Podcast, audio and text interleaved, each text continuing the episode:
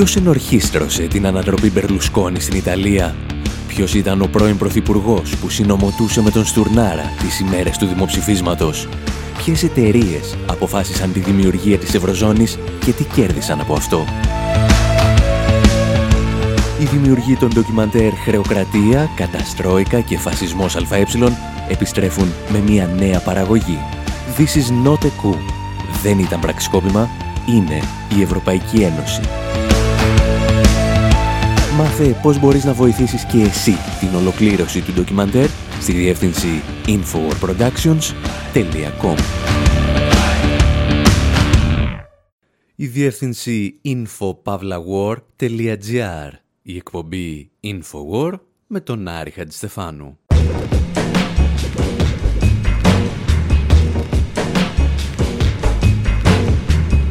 όπου σήμερα, εάν είστε άνεργος, σας βρίσκουμε δουλειά και μάλιστα σε θέση εγκεκριμένη από το Διεθνές Νομισματικό Ταμείο.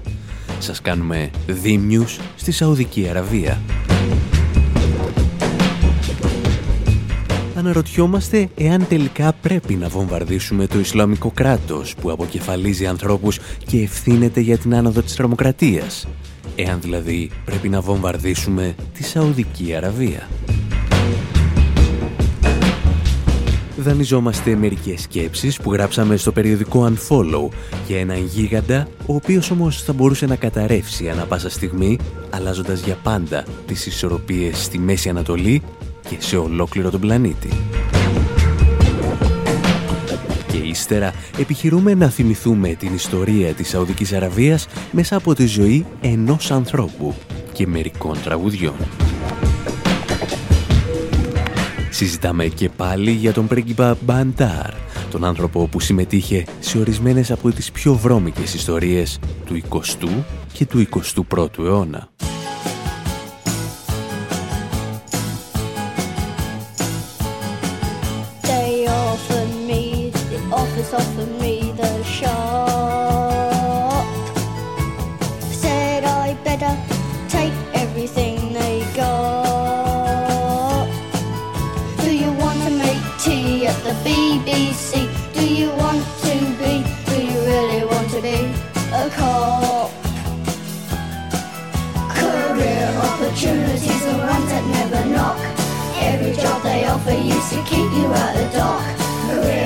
opportunities are one's end.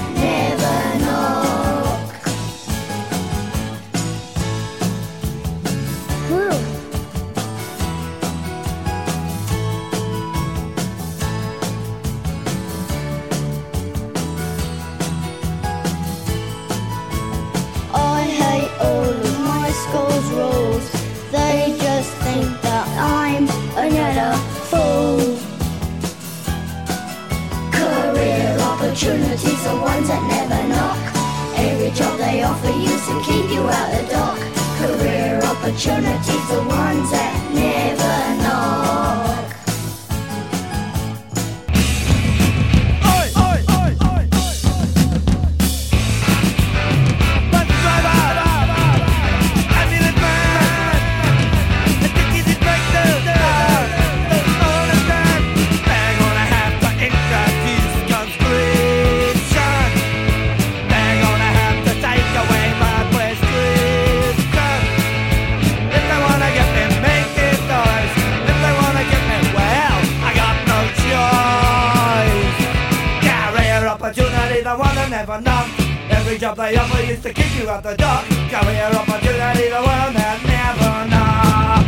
Οι κλάς από το μακρινό 1977 γκρινιάζουν γιατί οι δουλειές που τους προσφέρουν δεν είναι αυτές που οι ίδιοι θα ήθελαν.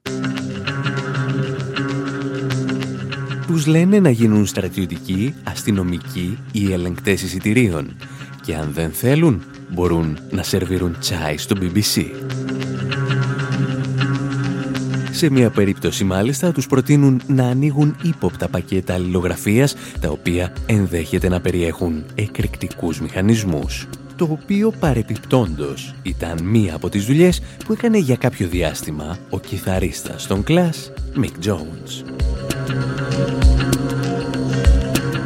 Εμείς πάλι, βουτώντας στα βαθύ της φιλελεύθερης σκέψης, θα αποδείξουμε ότι ο άνθρωπος που θέλει να δουλέψει θα βρει μια δουλειά. Πριν από μερικούς μήνες, λόγου χάρη, εντοπίσαμε αυτή την αγγελία στο Υπουργείο Εσωτερικών της Σαουδικής Αραβίας. Saudi Arabia is looking for eight more state executioners. A job offer has been published on a Η Σαουδική Αραβία χρειάζεται άλλους 8 δήμους για τον κρατικό μηχανισμό. Η σχετική αγγελία δημοσιεύτηκε στην ιστοσελίδα του Υπουργείου Εσωτερικών και όπως αναφέρεται για τη δουλειά δεν απαιτείται προπηρεσία. Στα καθήκοντα των εκτελεστών περιλαμβάνεται ο αποκεφαλισμός ή ο ακροτηριασμός ανθρώπων σε δημόσια θέα ανάλογα με το τι προβλέπει ο Ισλαμικός νόμος.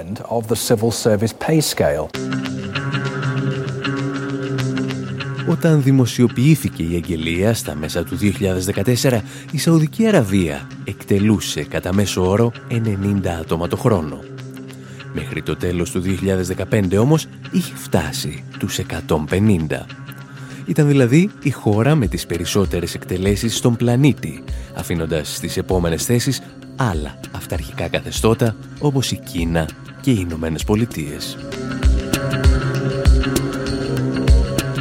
Η αλήθεια είναι ότι η αγγελία του Υπουργείου Εσωτερικών δεν περιγράφει με ακρίβεια όλα τα τυχερά της δουλειάς. Συχνά οι δήμοι, αφού αποκεφαλίσουν τα θύματα τους, αναλαμβάνουν να σταυρώσουν τα ακέφαλα πτώματα σε μεγάλους σταυρούς στο κέντρο του Ριάντ, προκειμένου να μπορούν να τα βλέπουν όλοι οι περαστικοί. Όλοι; Όχι ακριβώς. Όταν πριν από περίπου 10 χρόνια βρέθηκα στην πλατεία Ντέιρα του Ριάντ, εκεί όπου πραγματοποιούνται οι αποκεφαλισμοί κάθε Παρασκευή, η θρησκευτική αστυνομία με εντόπισε και με απομάκρυνε σε διάστημα μερικών δευτερολέπτων. Ένας δυτικός δημοσιογράφος δεν πρέπει να μεταδίδει όσα συμβαίνουν στο βασίλειο των Σαούτ. Αυτά είναι συνήθως μόνο για εσωτερική κατανάλωση. Στο σημείο αυτό κάποιος θα μπορούσε να αναρωτηθεί σε τι ακριβώς διαφέρει η Σαουδική Αραβία από τον Άισις. Και οι δύο αποκεφαλίζουν τα θύματά τους στο όνομα κάποιας θρησκείας και εισβάλλουν σε κυρίαρχα κράτη, όπως λόγου χάρη η Εμένη. Κυρίως όμως ενισχύουν την τρομοκρατία σε παγκόσμιο επίπεδο. Πριν από μερικά χρόνια, ο πρέσβης των Ηνωμένων Πολιτειών στο Ριάντ έστειλε ένα απόρριτο τηλεγράφημα στην τότε Υπουργό Εξωτερικών Χίλαρη Κλίντον. Της εξηγούσε ότι οι πλούσιοι Σαουδάραβες στηρίζουν τους μεγαλύτερους τρομοκράτες του πλανήτη. Και τι έκανε η Χίλαρη Κλίντον; Πέταξε το τηλεγράφημα στα σκουπίδια, μην γνωρίζοντας προφανώς ότι λίγο αργότερα θα κυκλοφορούσε από το Wikileaks. Μας τα εξηγούσε το CBS. The gush of embarrassing revelation continues, today involving suspicions that some of the U.S.'s Η ροή ντροπιαστικών αποκαλύψεων συνεχίζεται. Σήμερα δημιουργούνται υποψίες ότι οι στρατηγικοί σύμμαχοι των ΗΠΑ στη Μέση Ανατολή και κυρίως το βασίλειο των Σαούντ εξακολουθεί να χρηματοδοτεί οργανώσεις όπως η Αλ-Κάιντα. Το τηλεγράφημα αναφέρει ότι χρήματα που συγκεντρώνουν οι Σαουδάραβες από πιστούς προσκυνητές στη Μέκα καταλήγουν σε τρομοκρατικές οργανώσεις. Παράλληλα, εύποροι Σαουδάραβες προσφέρουν χρήματα στην Αλ-Κάιντα, τους Ταλιμπάν και άλλες οργανώσεις που συνδέονται με την τρομοκρατία. Al-Qaeda, the Taliban, and other terror affiliations. Η Σαουδική Αραβία λοιπόν είναι ο υπ' αριθμόν ένα χορηγός τρομοκρατών στον πλανήτη, ενισχύοντας μεταξύ άλλων και τους τζιχαντιστές που σχημάτισαν το Ισλαμικό κράτος. Και πώς αντιδρά η Δύση στους αποκεφαλισμούς και την τρομοκρατία της Σαουδικής Αραβίας; Με αγάπη. Όταν λόγου χάρη πέθανε ο βασιλιάς Αμπντάλα, η Κριστίν Λαγκάρντ έλεγε κουβέντες σαν κι αυτές. Ήταν ένας σπουδαίος ηγέτης που εφάρμοσε πολλές μεταρρυθμίσεις στο εσωτερικό. Μάλιστα, με ένα πολύ διακριτικό τρόπο, ήταν σημαντικός υποστηρικτής των γυναικών.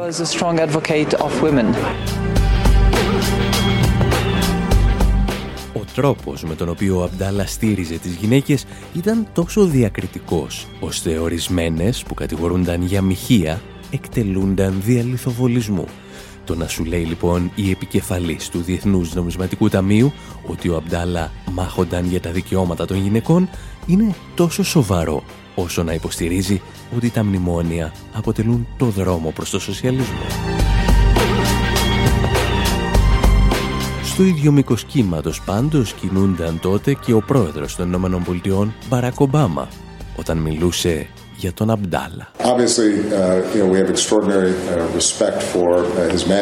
Προφανώς στρέφαμε απίστευτο σεβασμό για την αυτού μεγαλειότητα και τη διακυβέρνησή του.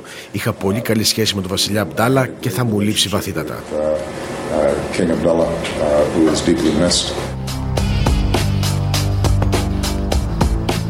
Συμπέρασμα. Το να εργαστείς σαν δίμιος για το βασίλειο της Σαουδικής Αραβίας έχει την απόλυτη έγκριση της χώρας της ελευθερίας, δηλαδή των Ηνωμένων Πολιτειών, και του θεματοφύλακα του νεοφιλελευθερισμού, δηλαδή του Διεθνούς Νομισματικού Ταμείου.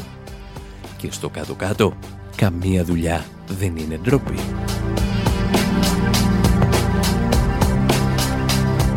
Το ερώτημα είναι γιατί η Δύση μας ζητά να βομβαρδίσουμε τον Άισις και όχι τη Σαουδική Αραβία, η οποία πραγματοποιεί τα ίδια ακριβώς εγκλήματα, αλλά σε μεγαλύτερο μέγεθος. Απαντήσεις εντός ολίγου. Hey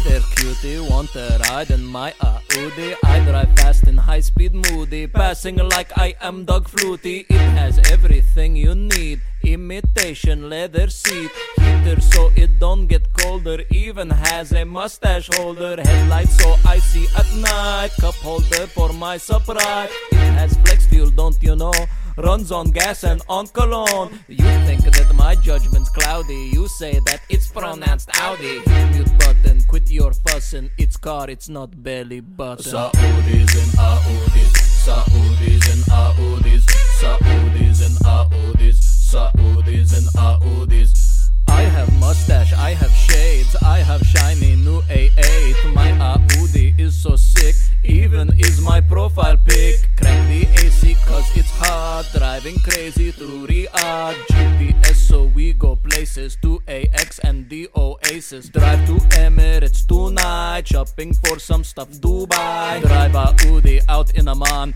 even we go to Cinnabon. Up to Jeddah, down to Mecca, bet I never drive a Jetta. Gas on empty, don't use a frown. Saudis put holes in the ground. Saudis in Audis, Saudis and Audis, Saudis and Audis.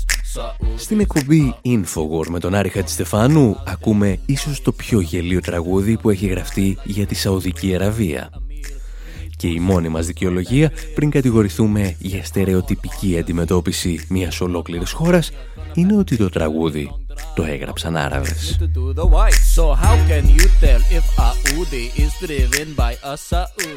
Εμείς πάντως αναρωτιόμασταν προηγουμένως γιατί η Δύση στηρίζει με τόση λατρεία ένα καθεστώς που αποκεφαλίζει εκατοντάδες ανθρώπους και προωθεί την τρομοκρατία όπως ακριβώς και οι τζιχαντιστές του Ισλαμικού κράτους. Και μια πρώτη πρόχειρη απάντηση είναι ότι εδώ και δεκαετίες η Σαουδική Αραβία αποτελεί το μεγάλο πορτοφόλι που συντηρεί την παγκόσμια βιομηχανία όπλων. Μας τα εξηγούσε πρόσφατα το ανεξάρτητο δίκτυο The Real News Network.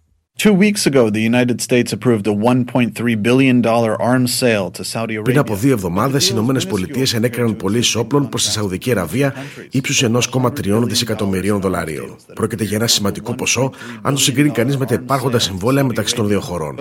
Τουλάχιστον 100 δισεκατομμύρια δολάρια εγκρίθηκαν από το Κογκρέσο τα τελευταία πέντε χρόνια περίπου.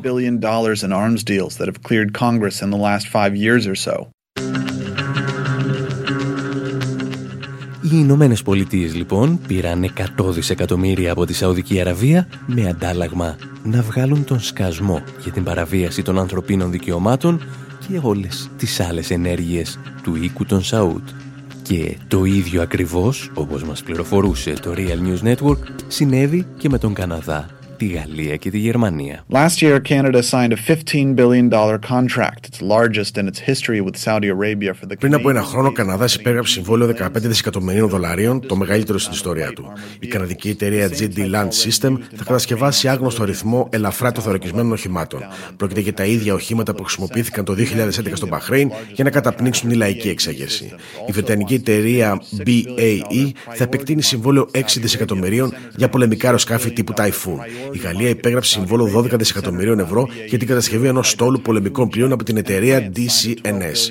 Το μέγεθος αυτών των συμβολέων εξασφαλίζει ότι οι κυβερνήσεις αυτών των χωρών δεν θα ασκήσουν κριτική στη συμπεριφορά της Σαουδικής Αραβίας. The immensity of these contracts means that governments in these countries won't criticize Saudi behavior. Η Σαουδική Αραβία λοιπόν πληρώνει την παγκόσμια βιομηχανία όπλων για εξοπλισμό τον οποίο στέλνει σε τζιχαντιστές ή τον οποίο χρησιμοποιεί η ίδια όταν εισβάλλει σε γειτονικές χώρες όπως το Μπαχρέιν ή η Εμένη. Αυτή όμως δεν είναι αναγκαστικά η βασικότερη συνεισφορά της στην οικονομία της Δύσης.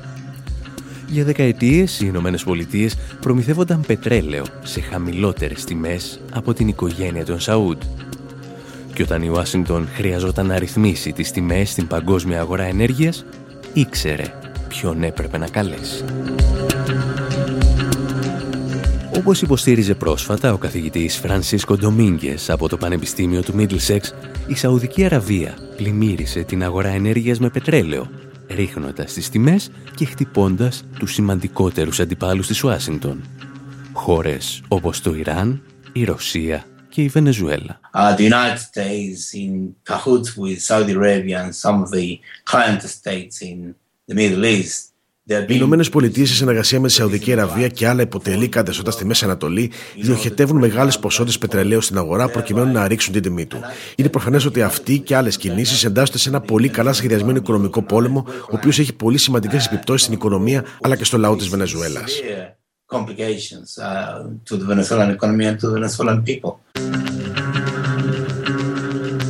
ρίχνοντας εκατομμύρια βαρέλια μαύρου χρυσού στην αγορά, η Σαουδική Αραβία πραγματοποιούσε μία ακόμη μεγάλη χάρη στις Ηνωμένες Πολιτείες.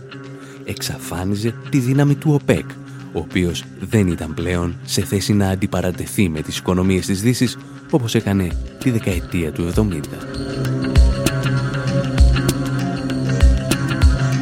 Και το νέο ερώτημα που γεννιέται είναι θα μπορέσει η Σαουδική Αραβία να πλημμυρίζει την αγορά επαόριστον και να ξοδεύει εκατοντάδες δισεκατομμύρια σε οπλικά συστήματα δυτικών χωρών;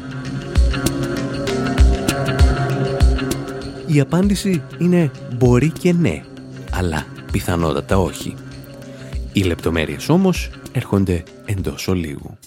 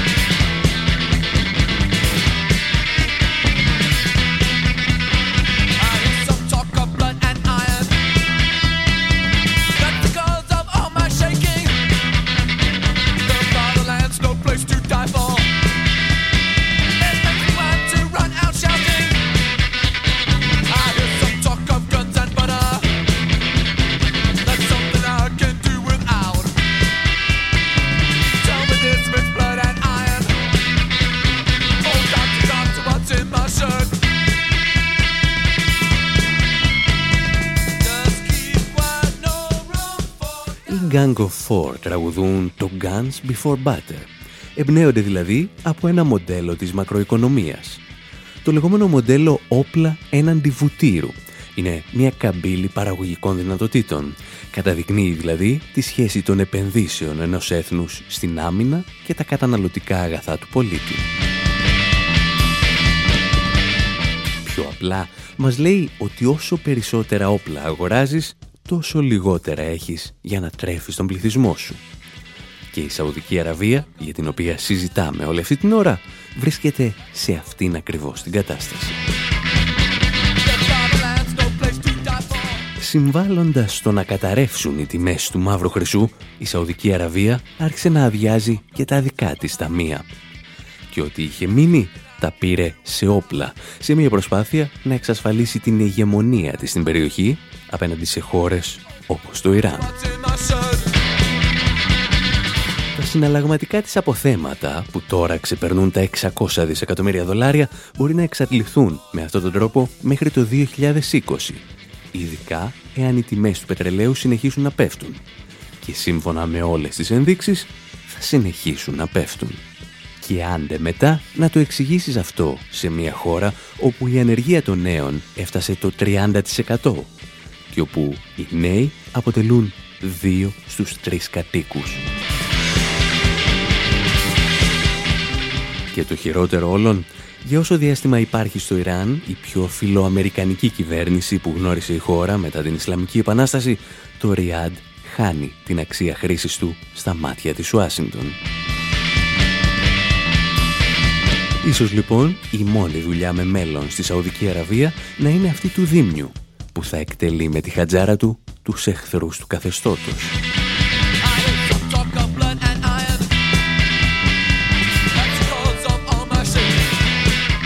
Εσείς πάλι μένετε εδώ, γιατί στο δεύτερο μέρος της εκπομπής ενισχύουμε τις αφηγήσεις μας με πολύ περισσότερη μουσική. Να σας θυμίσουμε επίσης ότι οι δημιουργοί των ντοκιμαντέρ «Ντετόκραση, Καταστρόικα» και «Φασισμός ΑΕ», δηλαδή εμείς, συνεχίζουμε τα ταξίδια μας σε όλη την Ευρώπη. Αυτές τις ημέρες μας βρίσκεται στις Βρυξέλλες, στο Δουβλίνο και στο Λονδίνο. Και αν θέλετε να γίνετε και εσείς συμπαραγωγή στο νέο μας ντοκιμαντέρ, θα μάθετε πώς μπορείτε να το κάνετε στη διεύθυνση thisisnoteku.com ή στο info.pavlawar.gr Μικρό διάλειμμα και επιστρέφουμε.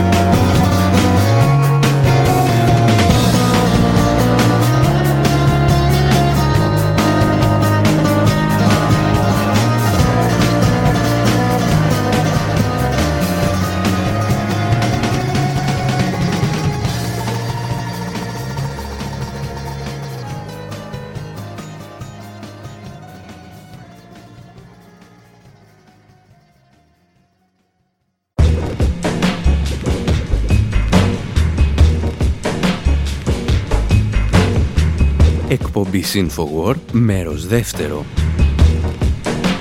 Όπου αφού μιλήσαμε για τη σημερινή εικόνα της Σαουδικής Αραβίας, λέμε να πιάσουμε την ιστορία και από λίγο παλαιότερα. Υποπτευόμαστε ότι μπορούμε να διηγηθούμε ορισμένες από τις πιο σκοτεινές στιγμές του 20ου και του 21ου αιώνα μέσα από τη ζωή ενός ανθρώπου, του πρίγκιπα Μπαντάρ, του πρώην πρέσβη της Σαουδικής Αραβίας στις Ηνωμένες Πολιτείες, που έβλεπε τους Αμερικανούς Προέδρους να περνούν.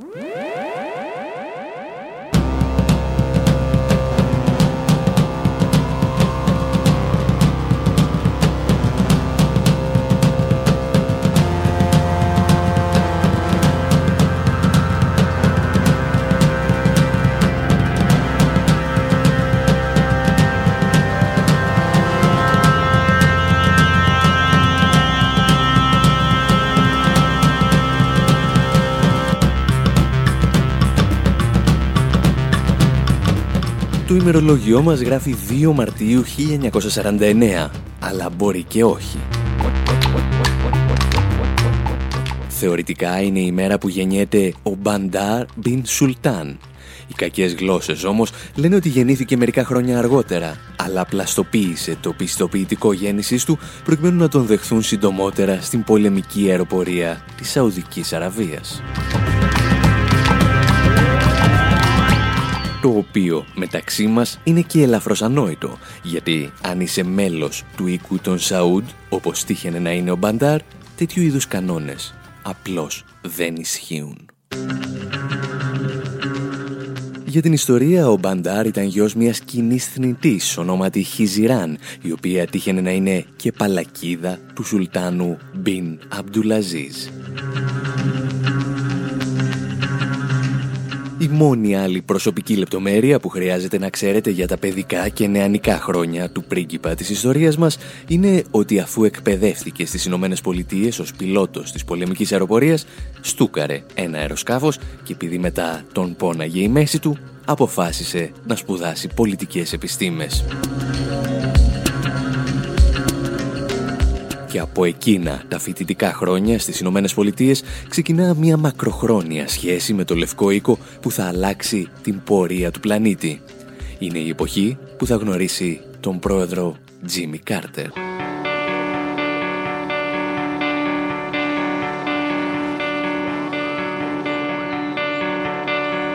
Like Jimmy Carter, like electric underwear.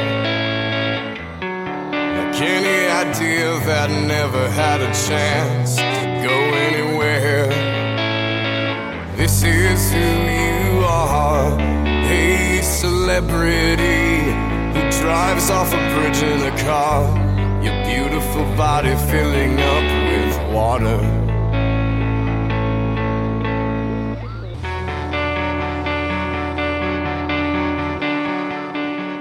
Στην εκπομπή Infowar με τον Άρη Χατζηστεφάνου συζητάμε ίσως για τον βασικότερο πρωταγωνιστή της κρίσης στη Συρία, τον πρίγκιπα Μπαντάρ της Σαουδικής Αραβίας. Dreaming of nuclear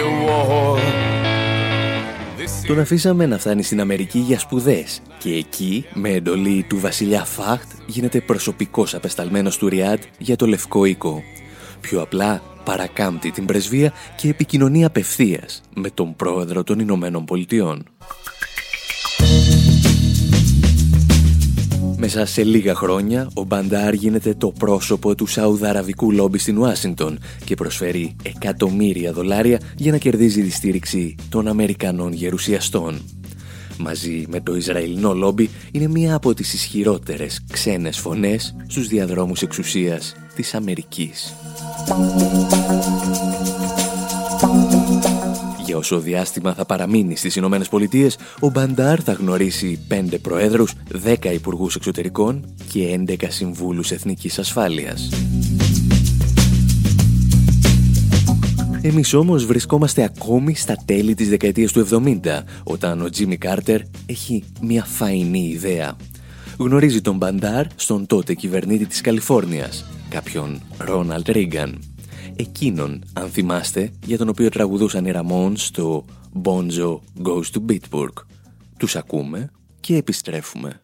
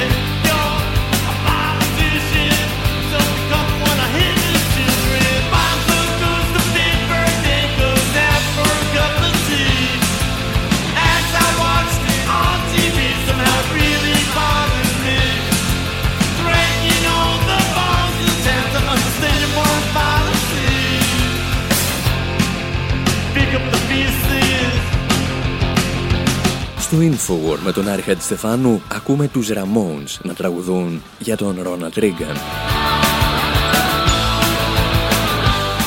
Και αν σας ενδιαφέρει η ιστορία του τραγουδιού, να σας θυμίζουμε ότι το έγραψαν το 1985, όταν ο Ρίγκαν, ως πρόεδρος πλέον των Ηνωμένων Πολιτειών, επισκέφθηκε το νεκροταφείο του Μπίτμπουργκ στη Γερμανία. Όπου στο Μπίτμπουργκ, εκτός από απλούς στρατιώτες της ναζιστικής Γερμανίας, είναι θαμένοι και 49 αξιωματούχοι των ΕΣΕΣ. Οι άνθρωποι δηλαδή που οργάνωσαν τα στρατόπεδα εξόντωσης των τσιγκάνων, των ομοφιλόφιλων και των Εβραίων. Για να επιστρέψουμε όμως στην ιστορία μας, ο πρίγκιπας Μπαντάρ από τη Σαουδική Αραβία θα αποκτήσει ιδιαίτερα στενές σχέσεις με την οικογένεια Ρίγκαν και μαζί θα κάνουν χρυσές δουλειές, συνεχίζοντας εκεί που σταμάτησε ο πρόεδρος Κάρτερ. Τα εξηγούσε παλαιότερα ο δημοσιογράφος του New Yorker Seymour Hers.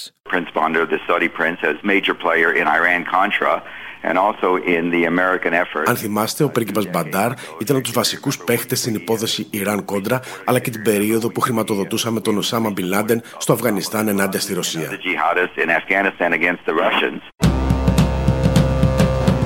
Και αν αυτά σας φαίνονται σαν πολλές ιστορίες μαζεμένες, θα μας επιτρέψετε να σας θυμίσουμε τι ήταν το σκάνδαλο Ιράν Κόντρα και ποιος πλήρωνε τον Οσάμα Μπιν Λάτεν.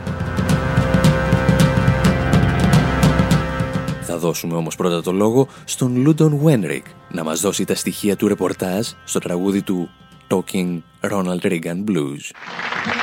talking blues for you now.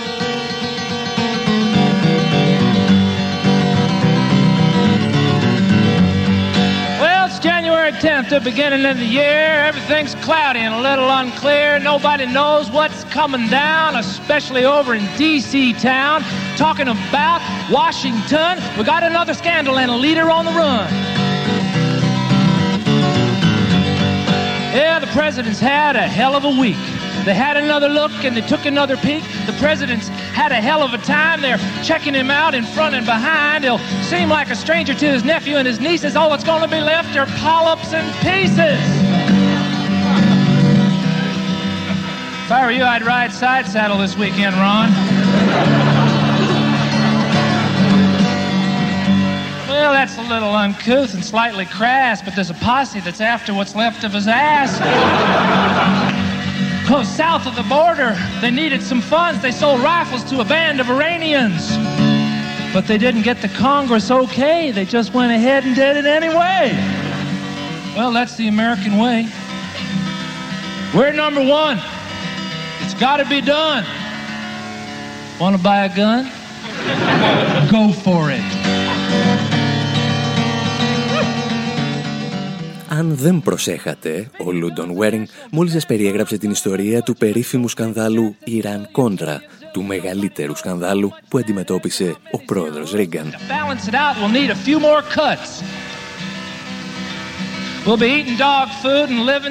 Ήταν Νοέμβριος του 1986 όταν οι Αμερικανοί πολίτες πληροφορήθηκαν την ύπαρξη ενός γιγαντιαίου δικτύου με τη συμμετοχή της CIA που πραγματοποιούσε ορισμένες ελαφρώς περίεργες δοσοληψίες. Παρά την ρητή απαγόρευση του Κογκρέσου, η CIA πουλά όπλα στο Ιράν και με τα έσοδα χρηματοδοτεί τα τάγματα θανάτου των Κόντρας στην Ικαράγουα τα τάγματα θανάτου που μάχονται τους αριστερούς αντάρτες σαν την ίστας. Θεωρητικά η δοσοληψία ξεκίνησε όταν οι Ηνωμένες Πολιτείες θέλησαν να απελευθερώσουν ορισμένους ομήρους από το Ιράν, αλλά δεν σταμάτησε εκεί. Μερικά χρόνια αργότερα θα υπάρξουν και καταγγελίες ότι οι Κόντρας, σε αγαστή συνεργασία με τις Αμερικανικές μυστικές υπηρεσίες, είχαν και ένα παραμάγαζο, μέσω του οποίου πουλούσαν ναρκωτικά, προκειμένου να αγοράζουν και άλλα όπλα. Όταν ακούγονται όμως οι πρώτες φήμες για το σκάνδαλο, ο πρόεδρος Ρίγκαν βγαίνει στην τηλεόραση και εν ολίγης λέει «Εγώ». Ποιος; «Εγώ». Παρά τις υποθετικές και ψευδείς ιστορίες που κυκλοφόρησαν ότι προσφέραμε όπλα και λίτρα για την απελευθέρωση των εχμαλώτων, η κυβέρνησή μου ουδέποτε, επαναλαμβάνω ουδέποτε, πούλησε όπλα ή οτιδήποτε άλλο για να ελευθερώσει τους ομήρους και ούτε πρόκειται να το κάνει στο μέλλον.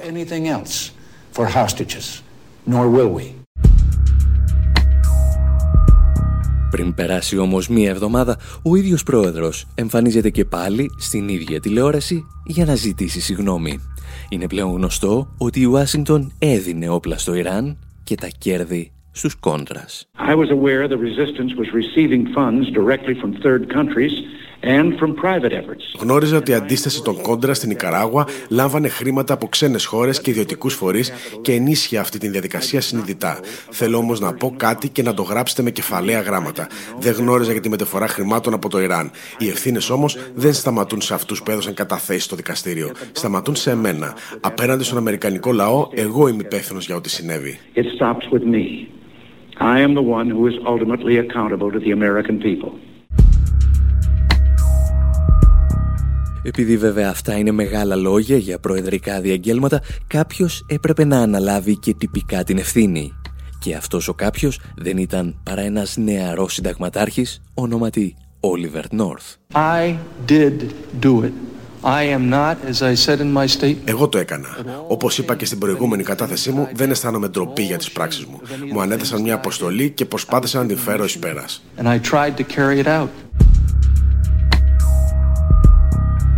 Η ιστορία του σκανδάλου Ιράν Κόντρας μας ενδιαφέρει φυσικά γιατί εκείνη την εποχή ο δικός μας ήρωας, ο πρίγκιπας Μπαντάρ, ήταν ήδη πρέσβης της Σαουδικής Αραβίας στην Ουάσιγκτον.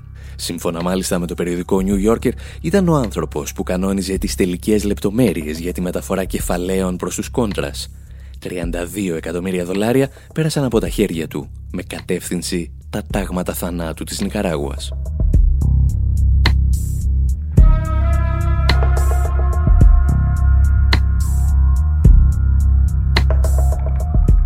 Ιστορίες για εμπόρους ναρκωτικών, μυστικές υπηρεσίες και τάγματα θανάτου. Ιστορίες με κοινό παρανομαστή τη CIA και τον πρίγκιπα Μπαντάρ.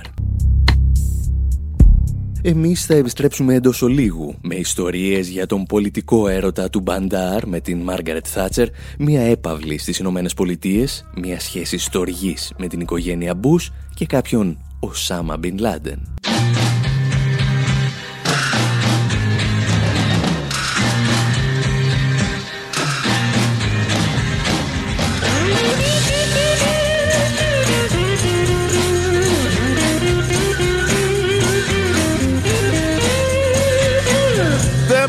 Some kind of way out of here.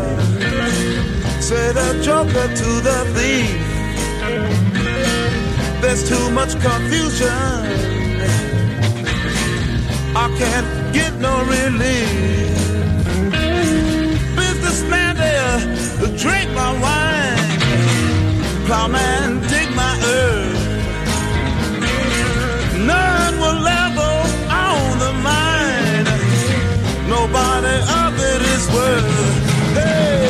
Ο Τζίμι Χέντριξ, χωρίς φυσικά να τον έχει ρωτήσει και κανένας, προσφέρει τη μουσική του για το soundtrack της ταινίας Charlie Wilson's War όπου Τσάρλι Βίλσον ήταν ο δημοκρατικός γερουσιαστής από το Τέξας που ενορχίστρωσε μαζί με τη CIA την περίφημη επιχείρηση Κυκλώνας, τη μεγαλύτερη μυστική επιχείρηση στην ιστορία των Ηνωμένων Πολιτειών. Στόχος της επιχείρησης ήταν να εξοπλιστούν οι δυνάμεις των Μουτζαχεντίν στο Αφγανιστάν για να πολεμήσουν τη Σοβιετική εισβολή. Μια διαδικασία από την οποία, όπως θα δούμε, θα γεννηθούν οι Ταλιμπάν και η Αλκάιντα του Οσάμα Μπιν Λάντεν.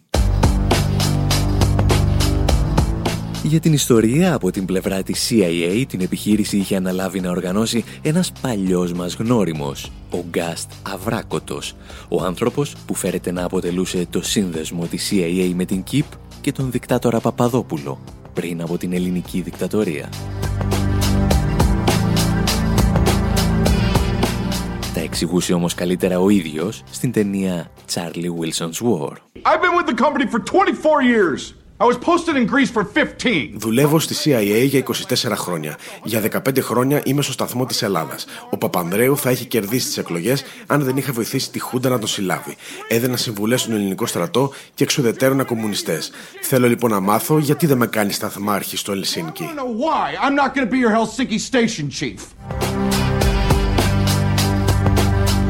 Εμείς όμως οφείλουμε να επιστρέψουμε στην ιστορία μας. Και σε αυτή την ιστορία δεν μας αφορά ο Αβράκοτος, αλλά ο πραγματικός χρηματοδότης της επιχείρησης Κυκλώνας, δηλαδή η Σαουδική Αραβία. Ο πρίγκιπας Μπαντάρ είναι και σε αυτή την περίπτωση το πορτοφόλι των Αμερικανικών επιχειρήσεων το Ριάντ ανοίγει τα θησαυροφυλάκια του και οι μυστικές υπηρεσίες του Πακιστάν αναλαμβάνουν την εκπαίδευση των Μουτζαχεντίν. Και έτσι, σε λίγα χρόνια, το τζίνι της Ισλαμικής τρομοκρατίας έχει μόλις γεννηθεί. Ο ίδιος ο Μπαντάρ αποκάλυψε ύστερα από μερικά χρόνια ότι τον επισκέφθηκε ο Σάμα Μπιν Λάντεν για να τον ευχαριστήσει γιατί έφερε, όπως λέει, τους Αμερικάνους στο Αφγανιστάν η Ουάσιγκτον είχε αποκτήσει δύο πολύτιμους συμμάχους, έναν για να ευγνωμονεί και έναν για να μισεί.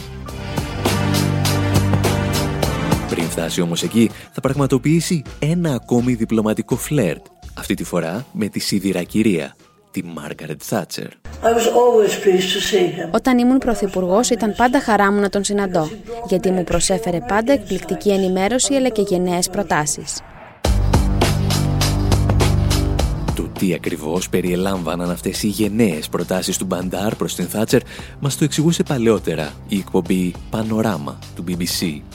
Ο Μπαντάρ υπέγραψε με τη Θάτσερ ίσως το μεγαλύτερο συμβόλαιο αγοράς μαχητικών αεροσκαφών στην ιστορία της Μεγάλης Βρετανίας. He was central to the deal. He approached Margaret Thatcher And effectively the deal was done. Ο πρίγκιπας Μπαντάρ έπαιξε καθοριστικό ρόλο για την υπογραφή της συμφωνίας. Προσέγγισε τη Μάγκαρετ Θάτσερ. Έκλεισαν τη συμφωνία χωρίς τις γραφειοκρατικές διαδικασίες που απαιτούνται. Αυτές καθορίστηκαν αργότερα. Αυτός έκανε τις διαπραγματεύσεις συμφωνίας, η οποία έγινε γνωστή ως συμβόλαιο Αλιαμάμα και το οποίο ισχύει ακόμη και σήμερα.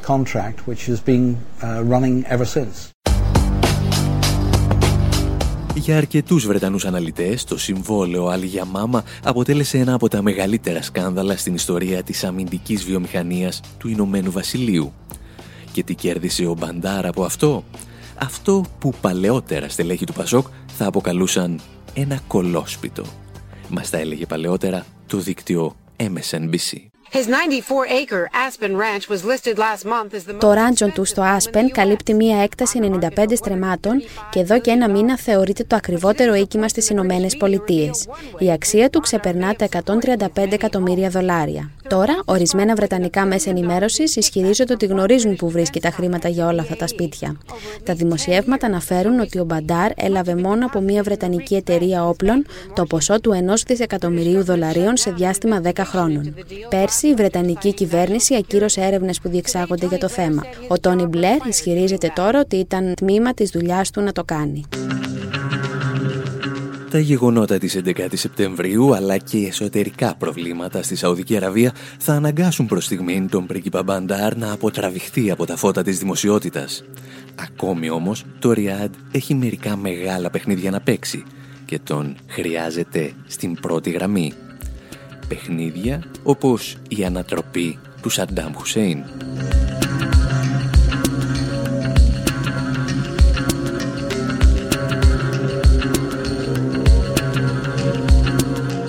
Η Ουάσιγκτον κατανοούσε ήδη από τη δεκαετία του 70 ότι πρέπει να σπάσει το καρτέλ του ΟΠΕΚ, ακόμη και αν χρειαζόταν να συμμαχίσει με το διάολο. Για να το καταφέρει θα στείλει στη Μέση Ανατολή τους λεγόμενους οικονομικούς εκτελεστές, ένα μείγμα οικονομολόγων και πρακτόρων, οι οποίοι προωθούν τα αμερικανικά συμφέροντα. Ένας από αυτούς ήταν και ο Τζον Πέρκινς, συγγραφέας του βιβλίου «Εξομολόγηση ενός οικονομικού δολοφόνου», που είδαμε και σε ντοκιμαντέρ από τον Στέλιο Κούλογλου. Ο Πέρκινς βρέθηκε λοιπόν στη Σαουδική Αραβία για λογαριασμό της Ουάσιγκτον και όπως υποστηρίζει ο ίδιος προετοίμασε το έδαφος για την ενεργειακή συμφωνία του αιώνα. Μια συμφωνία που θα σήμαινε το τέλος της πολιτικής επιρροής του ΟΠΕΚ όπως τη γνωρίσαμε στη δεκαετία του 70. The Royal House of Saud agreed to send most of their petrodollars back to the United States and invest them in US government securities. Ο οίκος των Σαούντ συμφώνησε ότι θα στέλνει σχεδόν όλα τα έσοδα από το πετρέλαιο σε επενδύσεις στη ΣΥΠΑ και αμερικανικές εταιρείες θα αναλάβουν να δημιουργήσουν ένα σύγχρονο κράτος στην έρημο της Σαουδικής Αραβίας. Υπήρχε όμως και ένα άλλο τμήμα της συμφωνίας. Ο οίκος των Σαούντ θα διατηρούσε την τιμή του πετρελαίου στα επίπεδα που επιθυμούσαμε εμείς και εμείς θα εξασφαλίζαμε την παραμονή του στην εξουσία. Τηρήσαμε αυτή την υπόσχεση. Αυτό ήταν άλλωστε και ο βασικός λόγος για τον οποίο πολεμήσαμε στο Ιράκ.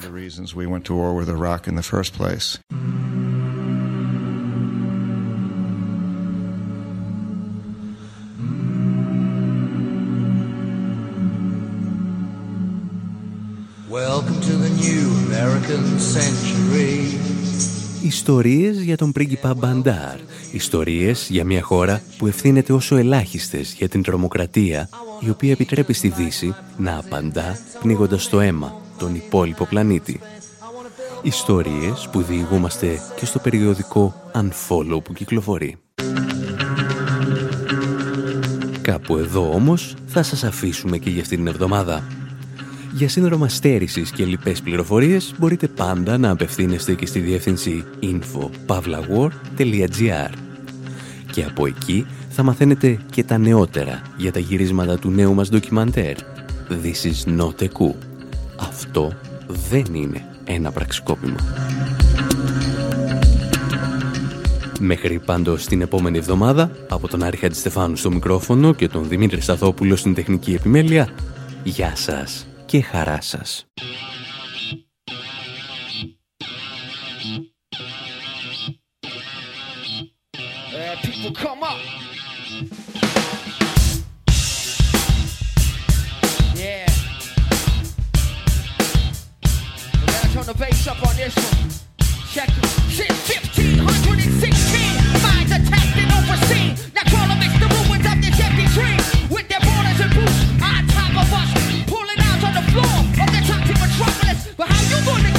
To get? The